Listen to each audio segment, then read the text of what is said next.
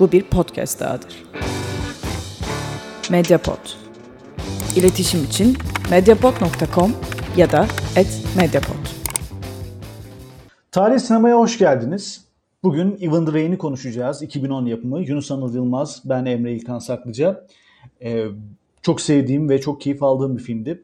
Bu hafta filmi seçen ben oldum. Genelde talihi alanlar Anıl'ın alanları olduğu için e, onun seçimleriyle ilerliyorduk.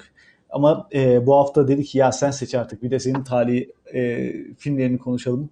Senin talihi sevdiklerini konuşalım falan. Ardından dedik hadi Even the Rain olsun. E, ben bu filmi 2011'de falan izledim galiba. Hatta 2010'da direkt böyle çıktığı yıl falan da izlemiş olabilirim. O dönem çok keyif almıştım. Yani bu hafta içinde şöyle bir incelerken baktım IMDb'de de çok az oy almış. Yani şöyle bir bakınca 12.356 oy var. Benim oyum da dahil yani buna. Düşün Anıl da vermiş. Bizden önce 12.354'tü. Ee, 10 yıl geçmiş bir film için 12.356 çok düşük bir sayı. Bu da tarihi sinemanın alanına direkt filmi sokan konulardan birisi. Bunun dışında film e, anlatmaya çalıştıklarıyla birazcık farklı çizdiği profille yine bence konuşmayı hak eden, konuşmaya değer filmlerden biriydi. Benim biraz seçim nedenlerim bu oldu. Aslında biz biraz e, tarihi sinemada galiba şey bir ekolümüz var. Böyle İspanyol, Latin e, sinemasına bayağı meyilli gibi duruyoruz. Genelde e, oradan gidiyoruz. Geçen hafta da e, şeyi konuşmuştuk. Ki, e, kim bir çocuğu öldürebilir isimli Who Can Kill a Child'ı konuşmuştuk. E, daha önce işte şu şey platform vardı, e, bu salyangoz muhabbeti vardı. Seviyoruz o yöreleri anlaşıldığı kadarıyla. Bugün de oradan gideceğiz. Sen nasıl buldun Anıl? Şöyle bir hem konusunu da özetleyerek bir gir bakalım bir yerlerden. Ee, ben güzel buldum filmi. Eline sağlık. Esasında ben sana 10 puan verdiğin bir film seç demiştim ve sen 10 puan verdiğin bir film olmadığı için bunu seçtin. Öncelikle onu söyleyelim. Hani ne kadar kibirli olduğunu, bir filme 10 puan vermekten imtina ettiğini gördük. Bununla Henüz beraber. 10 verilmiş, verilecek bir film yok dünyada. 10 vermeye değer bir film bulamamış yani. ne üstadlar filmler çevirmiş, neler yapılmış ama kimse Emre'nin gönlüne girememiş. Hakikaten ya bütün Zaten- dünya tarihi kurtaramadı bende. O yüzden de biraz daha aşağıdan bir film olsun. Tek e, arzum şeydi işte. E, senin 10 verdiğin bir filmi konuşalım artık. Çünkü benimkileri konuştuk birkaç tane falan. Ama olmadı. Yine de ilerleyen programlarda araçlarımıza devam edeceğiz. Bu filme gelince de çok güzel bir seçim hakikaten.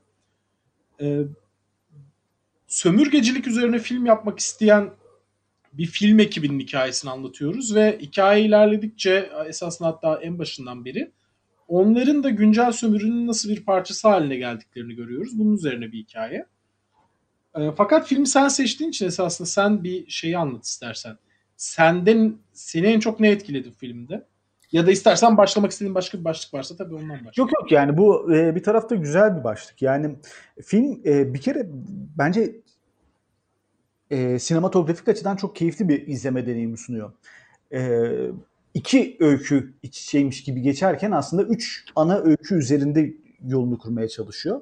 E, bu nokta beni çok etkiledi. Yani o üç öykü, yani bu, bu filmi bugün tekrar izlemeden önce konuşsak belki bu bağlamda konuşmazdım. Biraz daha farklılaştırdım söyleyeceklerimi ama yani üç öyküyü çok net bir şekilde bir üç motivasyon diyeyim daha doğrusu net bir şekilde birbirine geçirerek film e, birbirine çok güzel paralellikler kuruyor. Bu bence e, filmin çok büyük yetilerinden biri. Beni en etkileyen kavramlardan biri bu. Diğer tarafta e, bu emperyalizm kavramını filmin içine çok tatlı, çok güzel yediriyor. Yani filmin şöyle bir özelliği var. E, filmde yerliler diyelim, Bolivya halkı da diyebiliriz. Ayrıca bunlar başka bir e, figüran rolünde de e, yer alıyorlar.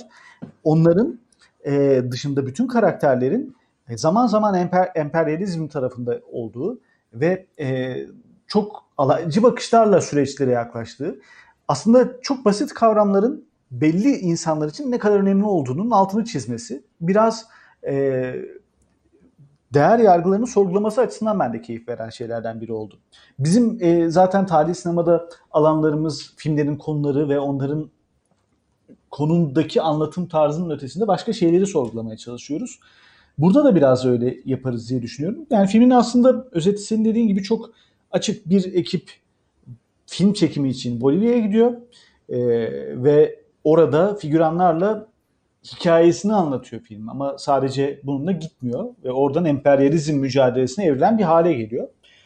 Yani beni etkileyen kısmı dediğim gibi bu iç içe geçmiş hikaye sarmalının bir yönetmenin eli yüzü düzgün bir şekilde çok başarılı bir şekilde e, nihayete erdirme başarısı diyebilirim. Ben de şeyden başlamak isterim. Zaten hani bu ikili hikaye yapısı çok açık. E, sömürgecilik üzerine film yapmak isteyen bir adam kendi sömürüsüne gözünü kapatan bir hale geliyor.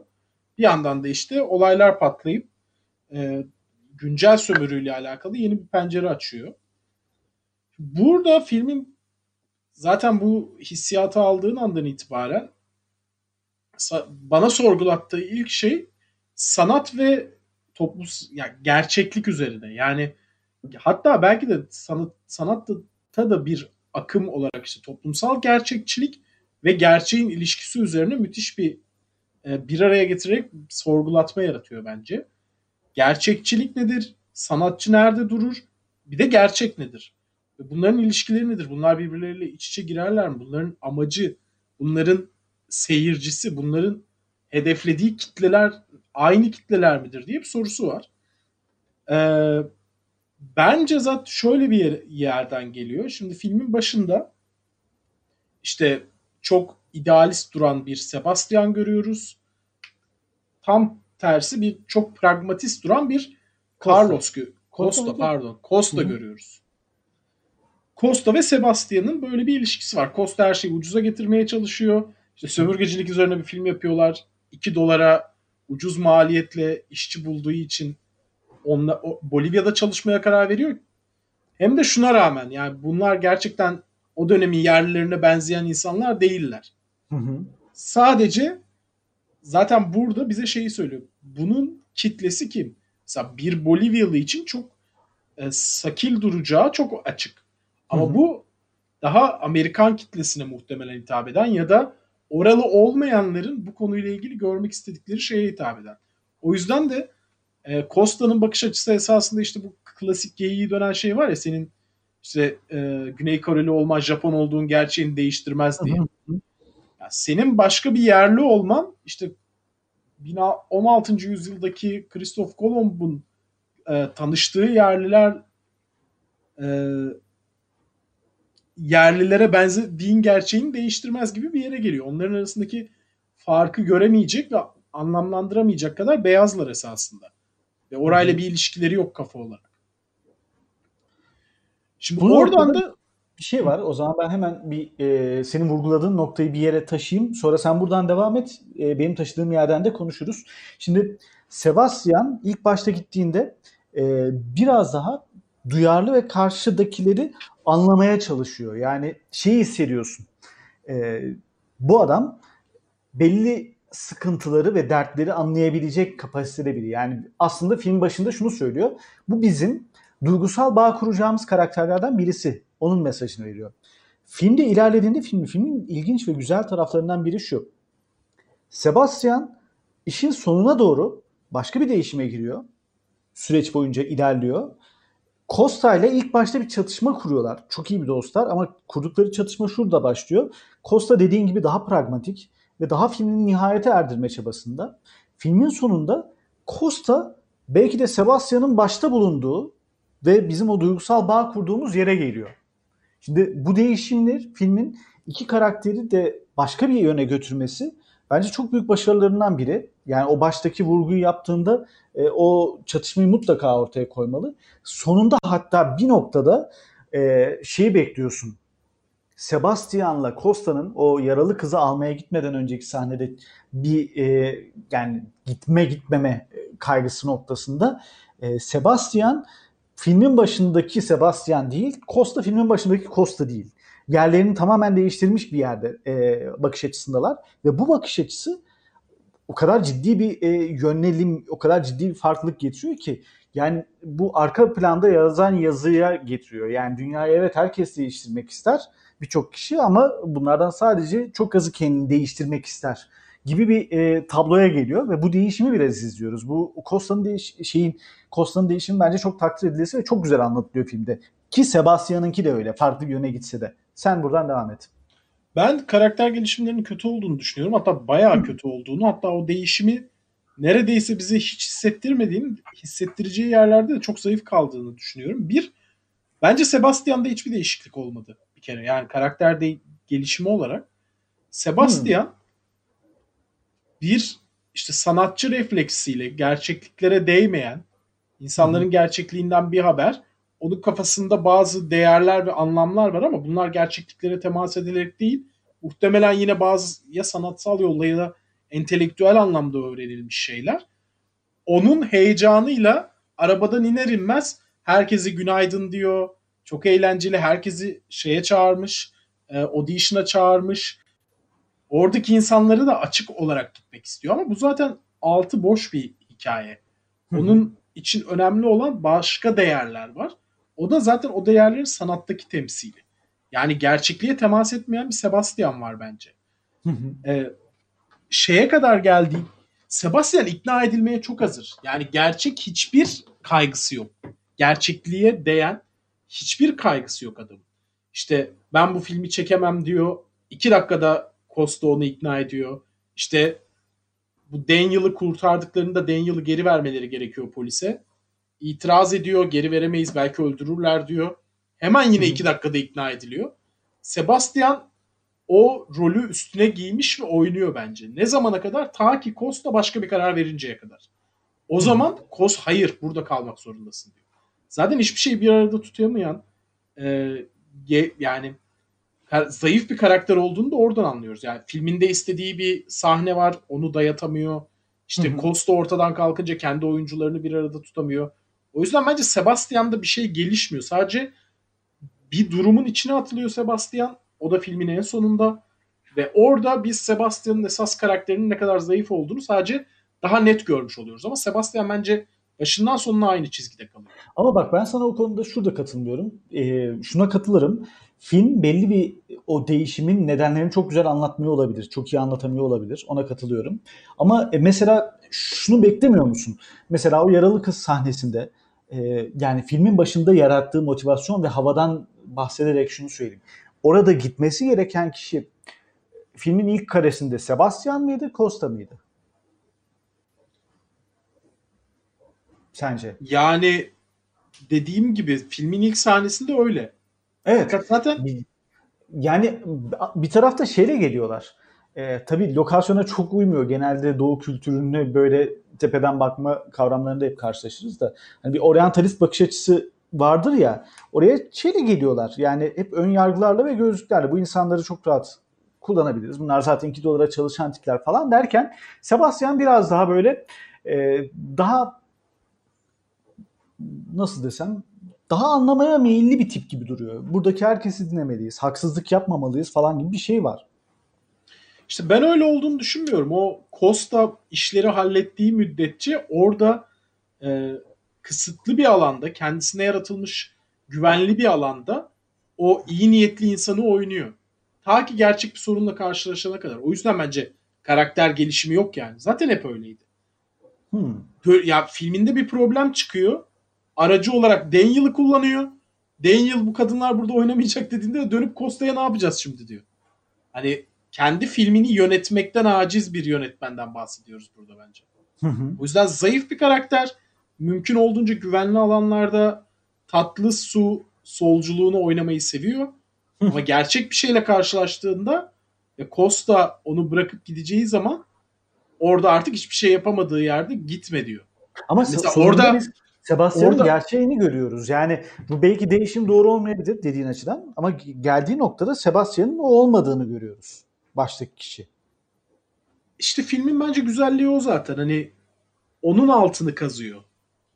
Yani o güzel görünümün altını kazıyor. Ama Costa'nın karakterindeki değişime gelirsek onu bence film neredeyse hiç açıklamıyor. Evet, yani Costa niye böyle oldu? Çok pragmatik evet. bir adamken en son hatta şeyi bile teslim etme noktasındaydı. O bizim eleman az önce sen de söyledin. 2500 dolar rüşvet vererek onu çıkarıyor alırlar. Sağ olsunlar bana ne ben filmi tamamlayacağım diyor. Ve şeyi hissediyorsun bir gün sonra zaten o film tamamlamayınca bu iş bitecek. Ondan sonra orada o kırılımı yaratan şey ne? Ha bak şunu anlarım. Filmin atmosferi Yani e, Bolivya'da o yaşadıkları olay gerçekte bir insan onu yaşadığında bir değişim yaşaması çok olasıdır. Ama e, biz bunun Costa'nın nasıl olduğunu çok anlamıyoruz. Tabii Orada bir sıçrama var. Evet, bir sıçrama var. Yani normal şartlarda bu atmosferde Costa'ya değişimi anlatacak bir kare koysa çok daha iyi oturur orası yerine. Ama e, şey var, orası bir boşluk kalmış. Yani o yüzden belki de ben şeyi söylüyorum. Başladıkları ve bitirdikleri yerde Sebastian ve Costa bulundukları yerden çok daha farklı haldeler. İşte ben yine de şey diyorum. Sebastian bence aynı yerde. Sadece başka bir durum içerisinde onun şeyini kazıdık. Yani o sahteliğini kazıdık. Ama Costa 180 derece döndü. Ama niye döndü tam da bilemiyoruz yani. Ona, ona, ona çok maruz kalmadık. O yüzden bir tane karakter gelişiyor bence zaten. Onun da gelişimini göremedik. Ama diğerinin foyasını dökme açısından başarılı tabii ki film. Evet. Yani o açıdan karakterler tablosunda bir de orada Maria var mesela. O da ilginç bir karakter. Yani onu da mesela filme bir Maria sokar kimdi ya? gibi oluyor. Kız. Kameraman kız. Ha evet. Şimdi filme onu bir sokar gibi oluyor. Sonra bir çıkarıyor. Ee, bir öyküsünü bekliyorsun. Yani bir şeyi hissettiriyor böyle yönetmen veya senin e, çekimde. Yani bu kızın bir öyküsü olacak bu filmdeki gibi bir şey koyuyor. Mesela bir ara bir belgeselini çekelim mi buranın? Bak müthiş bir e, ivme var burada diyor. Aidiyet hissettiğini şey yapıyorsun. Bir duygusal bağlılığını hissediyorsun ama bu kadının motivasyonunu ve nereye varmak istediğini çözemiyorsun bir türlü. Kaybolup gidiyor zaten. Sonra doğru yok yani o karakter neredeyse. Evet. Yani mesela o birazcık şey olmuş. Ee, havada kalmış mesela. Ya bilmiyorum şeyde çok mu biçtiler bu filmi? Artık. Biraz var değil mi? Onu hissediyor musun sen de? Evet bir şey yani sanki bu film iki buçuk saat olacakmış da bir buçuğa indirilmiş gibi bir havası var. Kaç saatte olduğunu da hatırlamıyorum gerçi ama 1.40 mı ne öyle bir şey. 1.40 yani sanki 1.43 o diyor. karakter Bak, ben şeyde izledim. Mubi'de izledim. 1.30'a 37 idi süresi. IMDb'de 1.43 diyor. işte yani sanki bir şeyleri çır- kırpmışlar fazladan ve o şeyi kuramamışlar gibi geliyor ama neyse burasını bırakıp bence filmin esas meselelerine dönelim yani. Evet. hikayeyi birlikte anlatması falan buralarda. Şimdi bak ben neden üç hikaye diyorum? Katılacak mısın bilmiyorum. Ben şöyle düşünüyorum. Ee, filmin tabii sonunu da burada birazcık konuşarak e, olayı belki de anlatmak daha doğru olacak. Filmde üç öykü var bence. Birincisi, üç motivasyon diyeyim daha doğrusu. Bir, Bolivya'da en basit hak olan su için mücadele eden oranın yerel halkı. Ve bu insanlar gerçekten e, ülkeye gelen o sermayenin bir şekilde gitmesini, suya yapılan o yüzde 300 zammın adaletsiz olduğunu ve bunun için günde işte 1 dolar 2 dolar kazanan insanlar yani bir çocuklarına en basit ihtiyacı ki e, bugün bura, e, buradan bakınca e, veya orada bakınca Amerikalılar da geldiğinde çok sakil duruyor onlar için başta bu tartışma. Yani bir su hatta e, bir yemek sahnesine e, Amerikalılar gelince- kim ya? şey filmin yapımcıları Amerikalılar dedim pardon. Ee, şimdi oraya gel bir yemek sahnesi var hatta çok önemli bir sahne bence. Onu biraz konuşalım istiyorum da birazdan. Şimdi bir Bolivyalıların kendi motivasyonu var. Tamam mı? İkincisi e, filmin ke- anlatılan bir hikayesi var. Orada da bir emperyalizme karşı mücadele e, yine söz konusu bir tarafta. Daha emperyalizm tam demeyebiliriz belki. Ama bir e, yine bir mücadele var. Ve bir tarafta şöyle bir şey var. Bolivya yerli halkı orada bir e, yerliler olarak tasvir edilip o dedik ya ne oldukları bile bir, aman yer nasıl olsa izleyici anlayışıyla filmin yönetmeninin bile tam anlayamadığı bir o karakterler onların mücadelesi var. Yani aslında Bolivya'nın yerel halkı filmde e, bir sömürge yapısına karşı mücadele ederken gerçek yaşamda da e, kapitalizme karşı, emperyalizme karşı e, mücadele ediyor ve filmin hatta sonlarına doğru o bu bizim ana karakteri tutuklamaya geldiklerinde filmin çekiminde o noktada şunu yaşıyorlar. E, filmde o yerli simalarıyla gerçek e, devletle çatışma anını bir birleştiriyor. O çok bence başarılı bir e, sahneydi. Üçüncü noktaysa e, bunu biraz sonda açıyor. Yine bizim e, ana karakterimiz diyeyim. E, karakterin adını şimdi hatırlamaya çalışacağım. Daniel. Ha Daniel. Şimdi Daniel e, ile bizim Costa'nın bir sarılma sahnesi var. Onun öncesinde Daniel diyor ki bu e, yani hiçbir şey kolay değildir. Her şeyin bir bedeli vardır diyor. Kendi tutuklanmasını da anlatıyor bu. Bir tarafta filmde anlattıkları konunun da orada bedel ödeyen insanlar e, söz konusu ki bu Daniel o filmin de kahramanı ve o filmde de bedel ödeyip e, bir mücadele başlatan simge haline gelen kişilerden biri bir tarafıyla. Kendi mücadelesinde Bolivya'da bir sembol haline geliyor ve film ekibinin film çekim zorluğu motivasyonu da bence üçüncül anlatı. Yani aynı mücadeleleri kendi içinde bu hem çekimlerde öğreniyorlar hem Bolivya'nın yerli halkından bir tarafta bir mücadele etmeyi öğreniyorlar. Ki o nihayete ermeyen bir mücadele bir tarafıyla. Yani e, ekibin kendi içinde dağıldı ve çok anlaşılabilir bir yer. E, bir net nokta koymamak orada güzel de olabilir. Yani bu üç motivasyon filmde çok güzel bir şekilde harmanlanıyor ve sürekli iç içe geçiyor. Yani mesela bir sahnede e, işte bu fi, ya film içinde filmi belgesel mi desek ne desek onu böyle ayırmak adına e, birazcık orası da zor oluyor ama e, o çek, çektikleri filmde köpekler mesela yerel halkı kovalarken e, onun bir 40 dakika sonrasında Bolivya'nın yerli halkı gerçekte o köpeklerden kaçtığı sahne karşımıza çıkıyor. Yine bir rahibin oradan geçişi gibi sahneler falan böyle göndermeler e, iki öykü arasında Çağlar Değişse verilen mücadele ve onların biraz farklılıkları düğümünü güzel anlatıyor. Ve bir tarafta e, sermaye yani çok zengin bir film ekibinden bahsetmiyoruz ama kendi e, burada var olma savaşı veren ve bir nihayete filmini bitirmeye çalışan bir ekibin motivasyonu mücadelesinin öyküsünü görüyoruz. Yani bu üç hikaye çok güzel bence birbirine girmiş vaziyette.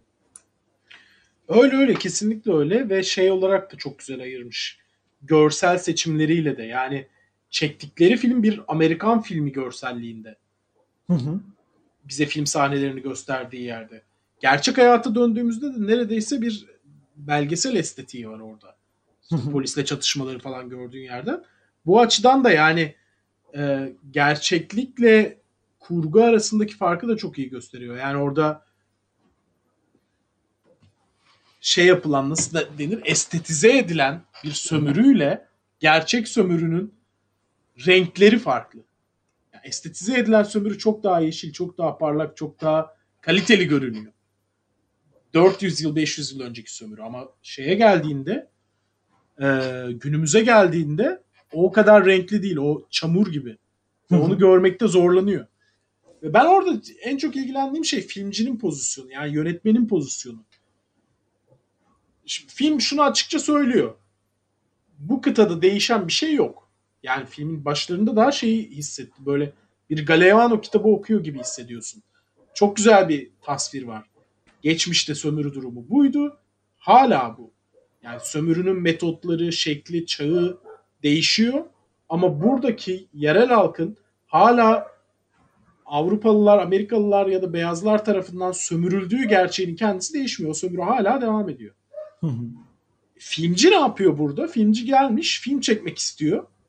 Neden? Bu sömürünün ne kadar kötü bir şey olduğunu göstermek için. Günümüzdeki sömürüye ne ama niye orada çekiyor zaten? Çok ucuz olduğu için. Günümüzdeki ki sömürüye tamamen gözleri kapalı. Onu görmüyor. O sömürü kendisini onun üzerine attığı zaman da gösterdiği zaman da yani işte işkence yapılan hapishaneye de giriyorlar.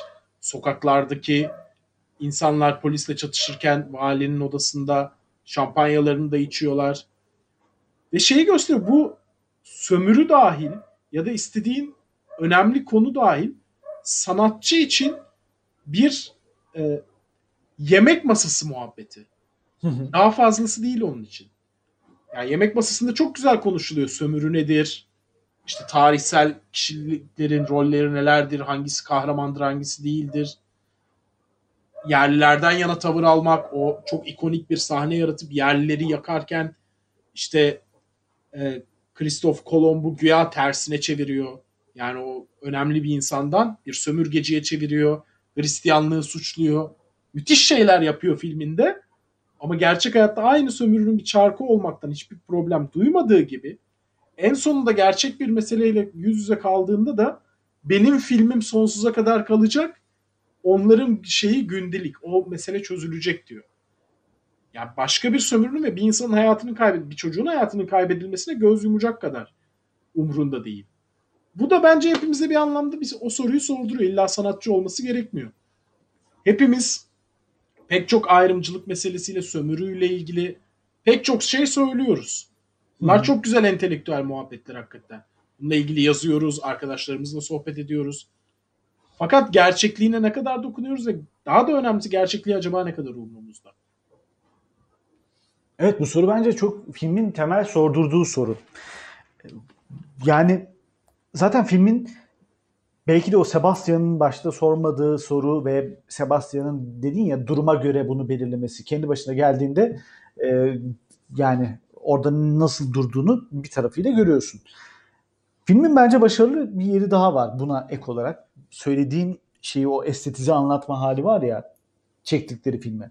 Eski sömürü haline. Orada bence çok önemli bir şey daha yapmış yönetmen. Hiç dikkat ettin bilmiyorum. Neredeyse en sona kadar yani son kareyi çektikleri o haç sahnesini çektikleri yer var ya orada bitirene kadar biz sık sık şeyi ben şunu hissettim. Sanki biz gerçekten o filmi izliyoruz. Yani mesela onların böyle çekim anını gösterir gibi yapmamış. e, çekmiş ve onu yayınlamış gibi göstermeyi tercih etmiş. O dikkatini çekti mi? Yani çok Tabii. bir anlatım dili katmış. Yani filmin kamerasında mesela şeyi görürüz. Film ekibi, senaryo ekibi falan. Ya, ve orada e, bir de çok güzel bir paralellik kurduruyor. Bu insanlar yani Bolivya yerel halkı o Kristof Kolomb öyküsünün içerisinde kendisi de şekilleniyor ve bir tarafta belki mücadelede belli motivasyonları, belli şeyleri yani onu film çok net anlatmıyor bu arada. Kendisi de orada öğreniyor ve gittikleri yerde e, sık sık şeyi hissediyorsun.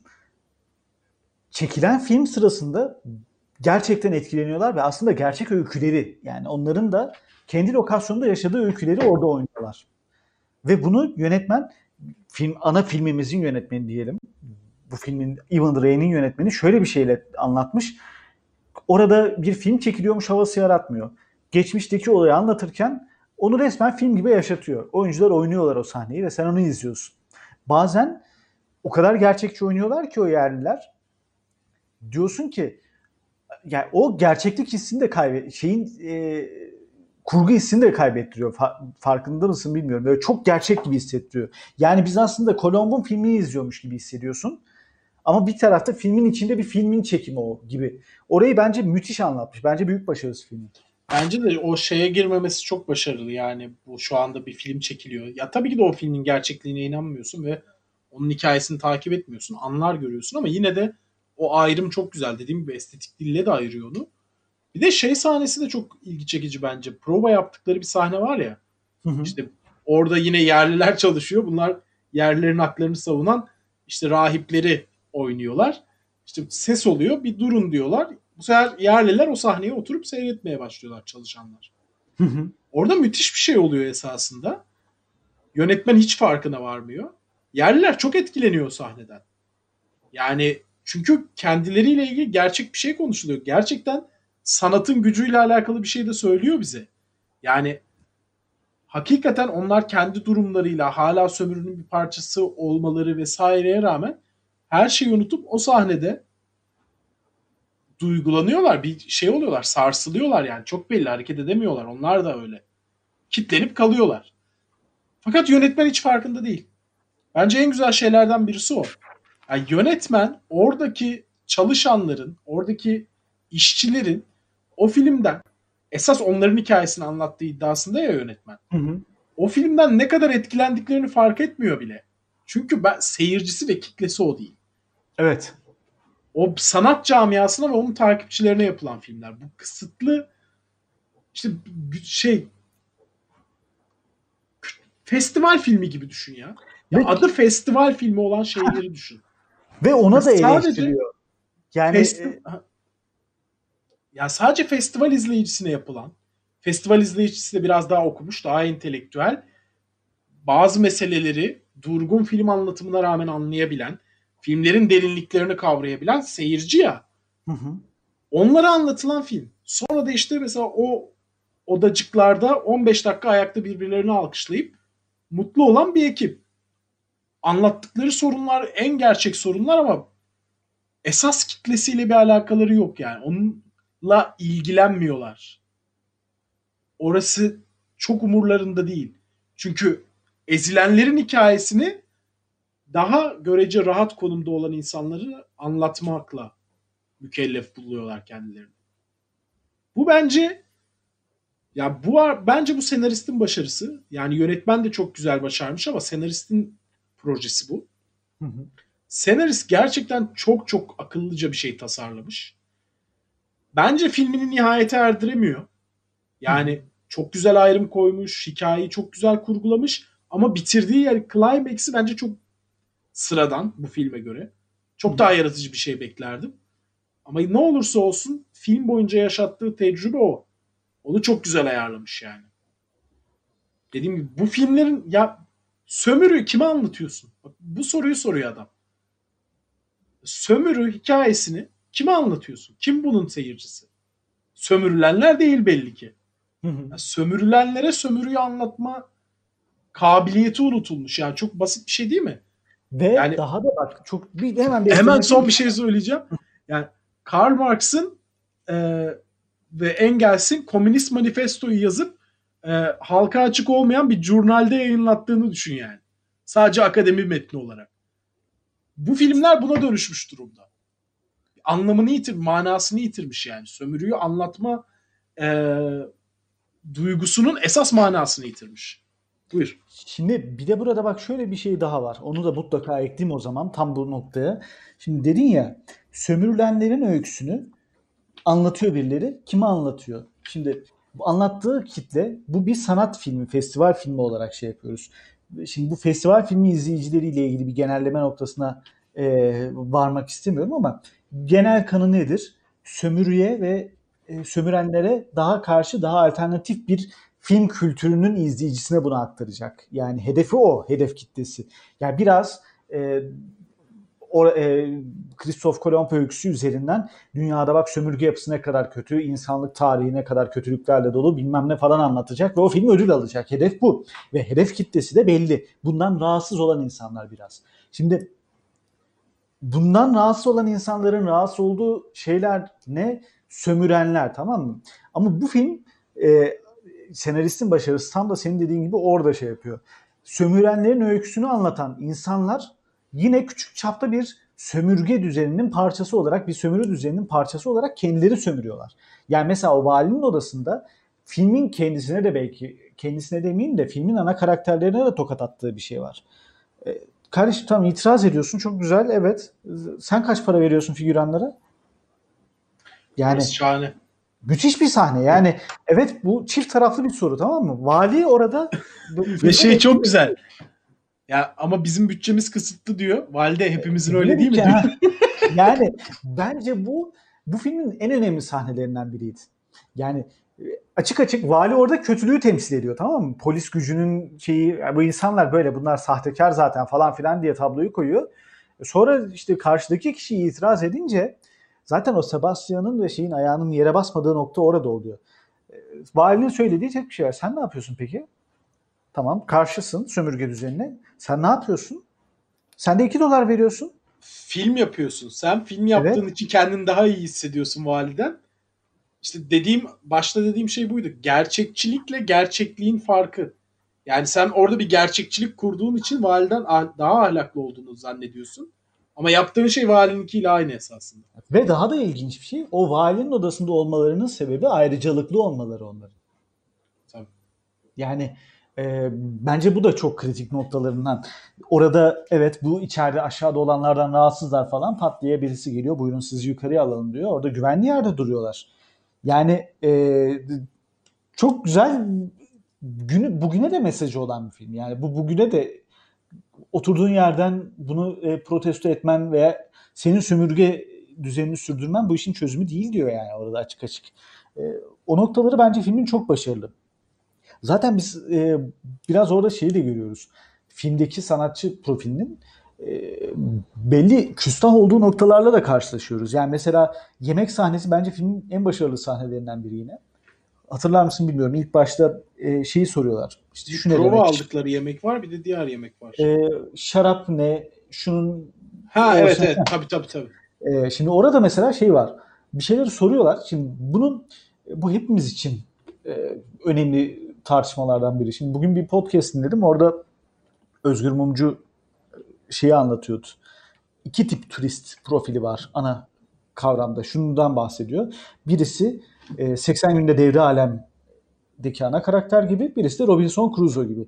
80 günde devre alem tipi turist e, daha kaşif ruhlu, daha emperyal ruha yani da- sahip bir turisttir. Gittiği yerleri keşfetmeye işte bir tarafta e, net sömürü olarak demeyelim de kendisine bir şeyler katmak için oradaki değerleri sömürdüğü, kavradığı bir şeydir.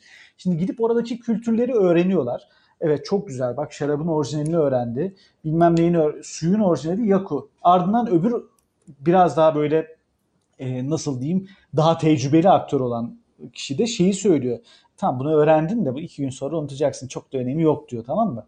Ve filmin aslında kilit konusu olan o yaku kelimesi, su kelimesi bir e, toplumun bütün mücadele motivasyonunun altında yatan o çok basit, bugün hepimizin çok rahat belki de evinde eriştiği suyu e, almak için canlarını feda eden insanların o su kelimesine bile ne kadar aslında tepeden baktığını gösteriyor. Yani orada sanatçı eleştirisi de var filmin bence. O da bence başarılı sahnelerinden biriydi. Öyle bir de şey de var. Bu adam yani aralarındaki en iyi oyuncu Christoph Colombo oynayan adam. insanlarla bağ kuran ve orayı anlayan tek adam bir yandan da. Yani o bir şeyde kendi dünyasında yaşamıyor. Yani bizim Sebastian mesela kendi ekibini kaybettiği için kahrolduğu ve oturup e, etrafı seyrettiği yerde bizim adam tutuklulara en azından bir su mu kola mı ne bir şey veriyor mesela. Hı hı. İnsanlarla bu bağını kaybetmeyen tek adam da en iyi oyuncusu. Bence yani çok küçük bir nokta belki bunu söylemek istemiş midir yönetmen ya da senarist bilmiyorum ama sanata dair de bir şey söylüyor olabilir. Yani gerçeklikle bağını kaybetmeyen sanatçı bu hikayeleri gerçekten en iyi şekilde anlatabilecek kişidir. Çünkü baktığın zaman çok Hollywood bir film zaten. O Sebastian'ın çektiği film çok klişe bir film. Evet. Kötü bir film yani. Orada hiçbir numara yok. Yani işte vaazler veriliyor. Siyahlar ve beyazlar yani siyah beyaz karakterleri var o filmin. Bazıları iyi bazıları kötü. Braveheart gibi bir sonu var. Gaza getirmelik. Hiçbir numarası yok esasında filmin. Berbat bir film. Ama bin tanesini izledik öylesine hani. Hollywood filmi. Estetiğiyle kurduğu şey de o. Yani o yeşilliğiyle oradan tam estetize edilmiş. Bu internette de paylaşıyorlar ya bu aralar işte bir film Meksika'da geçiyorsa sarıyı basarlar diye. Evet evet. Aynen evet. onun gibi bir gri basılmış filme. Bolivya'nın gerçek renkleriyle alakası yok. Bolivya'nın gerçek renkleri komple şey e, gri, betonerme, kötü yapılaşmayla dolu bir yer. Ama estetize edip bir şey anlatıyor orada. O açıdan sanatçının hem kendisinin gerçeklikten kopukluğu hem de yaptığı eserin zaten gerçeklikten kopukluğunu gösteriyor. Çok ucuz bir yerden aldığını gösteriyor. Yani o sahne ne kadar şey kahramanca. Ya İsa gibi çarmıha geriliyor ve işte başı dik gidiyor bu dünyada. Gerçekte ne oluyor peki? Gerçekteki adam işte polis tarafından alınınca diğer yerliler gelip vandal gibi polis arabasını ters çevirip arkadaşlarını kurtarıyor mesela. Evet. Bolivya'nın gerçekliği o. evet. Yani kimse öyle İsa gibi şeye gitmiyor. Hepinizin günahlarını üzerime aldım ve gidiyorum gibi gitmiyor yani. Tabii. O açıdan müthiş çizgiler çekiyor. Kesinlikle katılıyorum. Yani bu filmin en büyük başarılarından biri de o.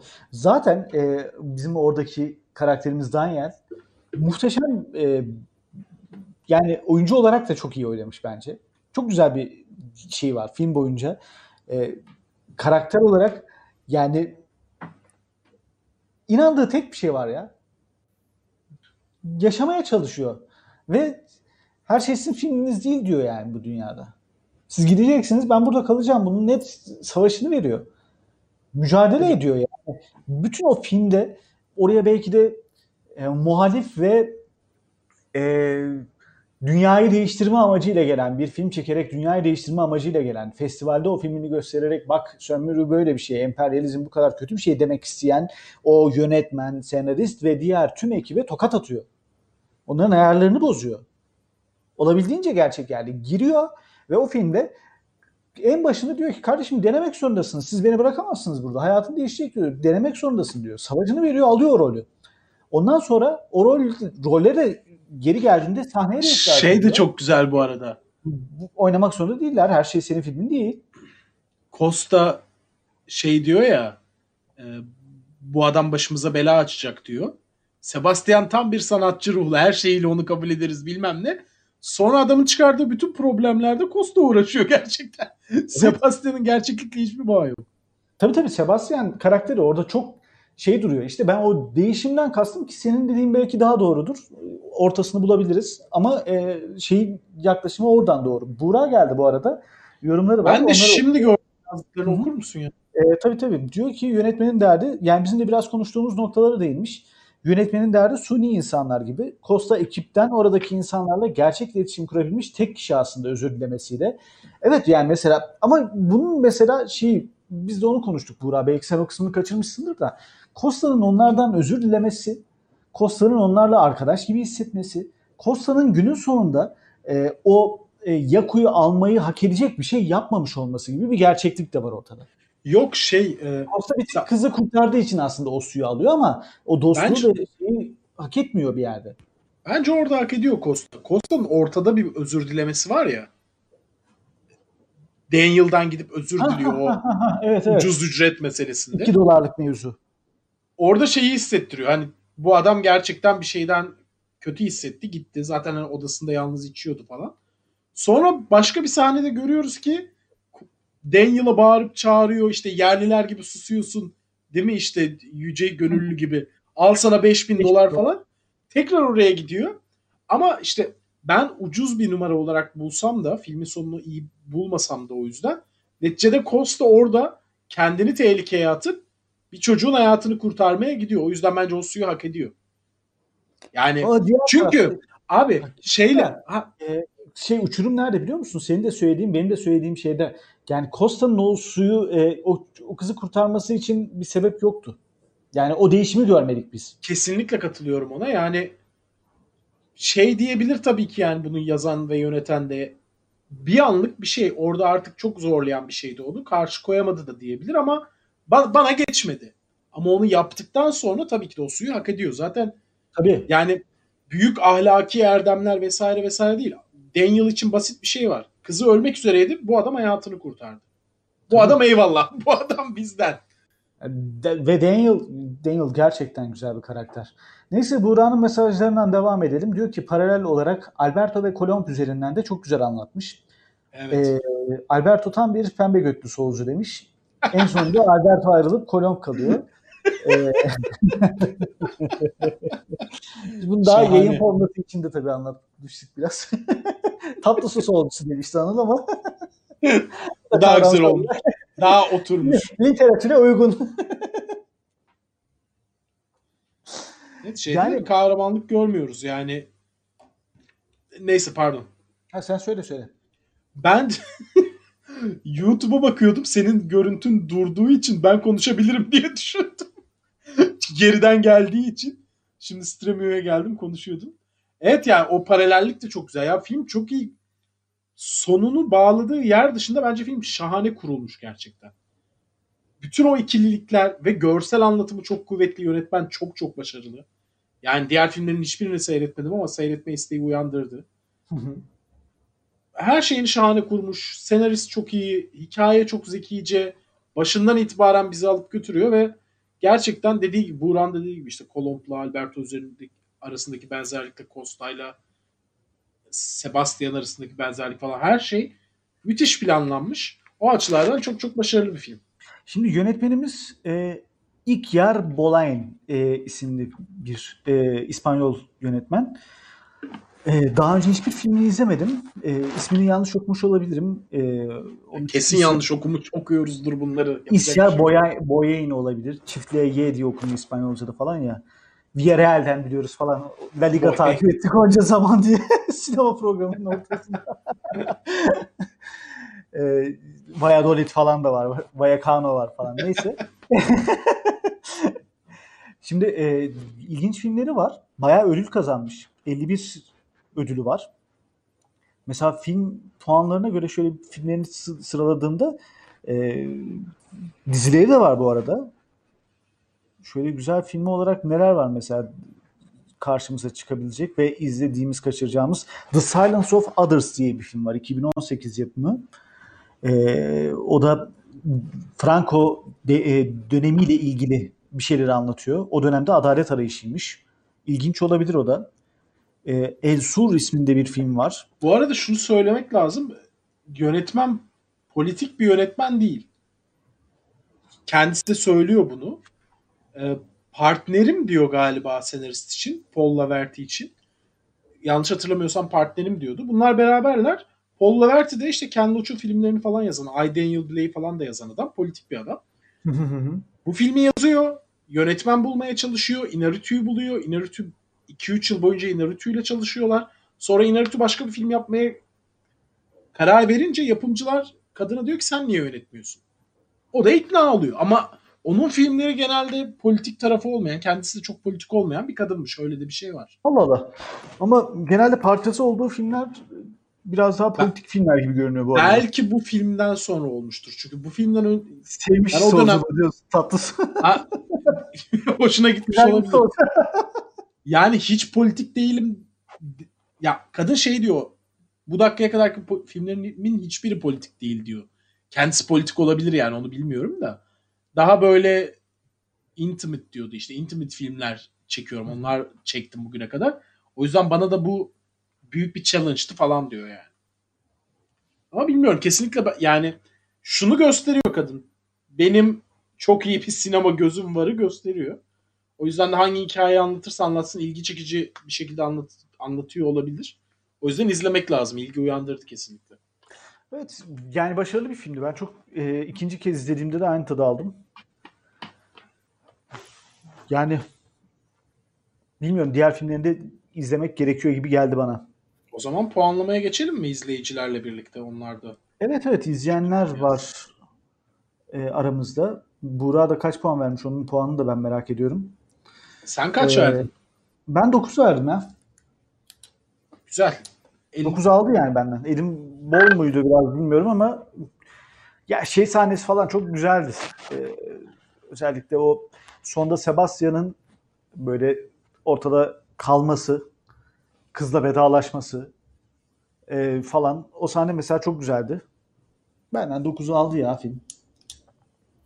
Ben nasıl bağlan bağlandığı yeri, climax'ini beğenmedim. Orada Hı hı. sadece bir aksama görüyorum. O yüzden 8 diyeceğim.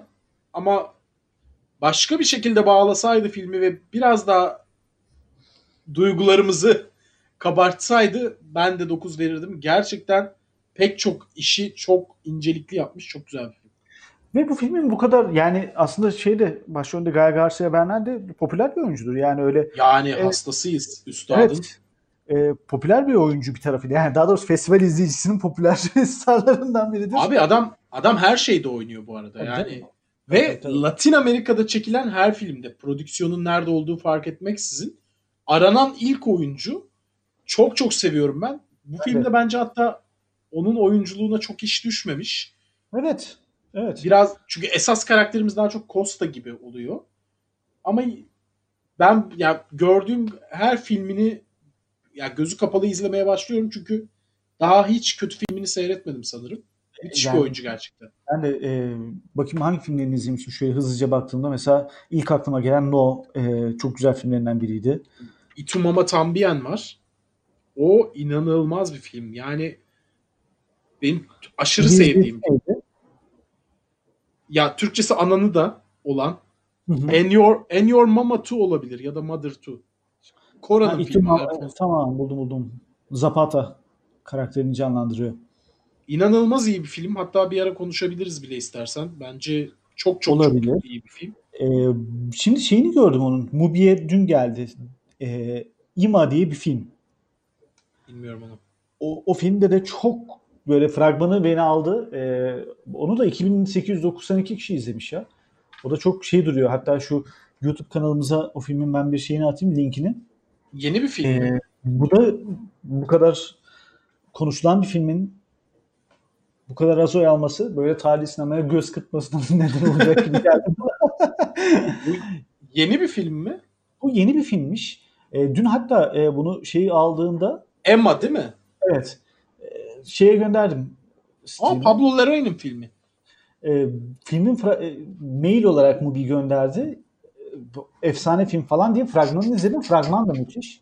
Abi şey, e, No'yu çeken yönetmen işte. Evet evet.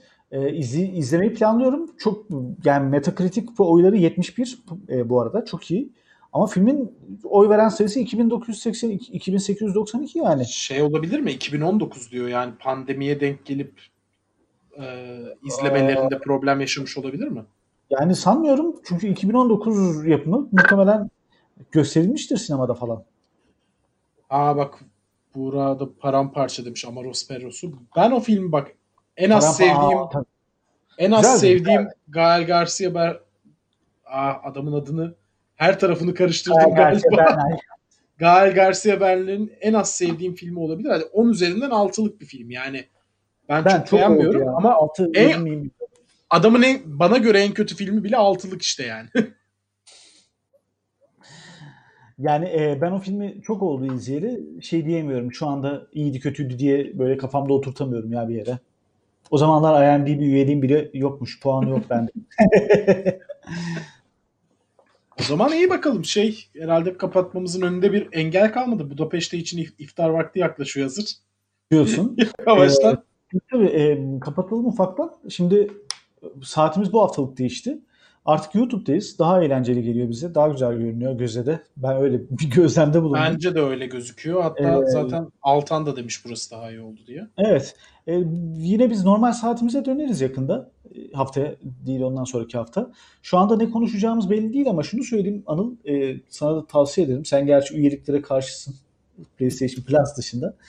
E, şeyin Mubi'nin Collection açıldı. İnanılmaz iyi bir arşiv. Yani şey böyle 500-600'den fazla film var. Mesela Hitchcock yazıyorsun. Hitchcock'un tüm filmleri çıkıyor. Hepsi arşivinde var. E, ve çok Benim arşivimde de var aynıları. işte yani Benim- de buraya Benim benim arşivim Movie'dekinden Movie'dekinden biraz daha geniştir. Ama e, Mubi'nin bu şeyi benim hoşuma gitti. E, bize sponsor olurlarsa reklamlarını yaparız güzel bak. Güzel gözüküyordu. Ben de bir göz attım. Ücretsiz övüyoruz yani. Ben de göz attım. Güzel gözüküyordu. Bir, Evet, bir de bu nedense şey geldi. Yani kafam kaldırır mı bilmiyorum dedim mi başta da hani dandik komedi filmleri seyrediyorum genelde ama bir Fransız sinemasında e, daha önce seyretmediğim filmlere döneyim ve daha geniş kapsamlı bir fikrim olsun diye bir şey düşünüyorum. Onunla bağlantılı olarak Fransız filmi de alabiliriz eğer popüler bir film çıkmazsa önümüzdeki. Olabilir. Var mı aklında bir şey? Aklımda yani Les Ceremonies kesinlikle var. Ama daha bir sürü var tabii film. Yani onu konuşuruz hafta içerisinde. Konuşuruz konuşuruz. İki hafta sonra yeniden karşınızda olacağız biz. E, yani herhangi bir aksaklık olmadığı takdirde Tali Sinema yine 21'de karşınızda olacak. Artık YouTube kanalında. Bir şekilde Twitch'le bağlarsak e, boomerlığımız geçerse orada biraz daha genç yönlerimiz öne çıkarsa e, Twitch'te de oluruz. İkisini birleştiririz falan bir şeyler yaparız öyle.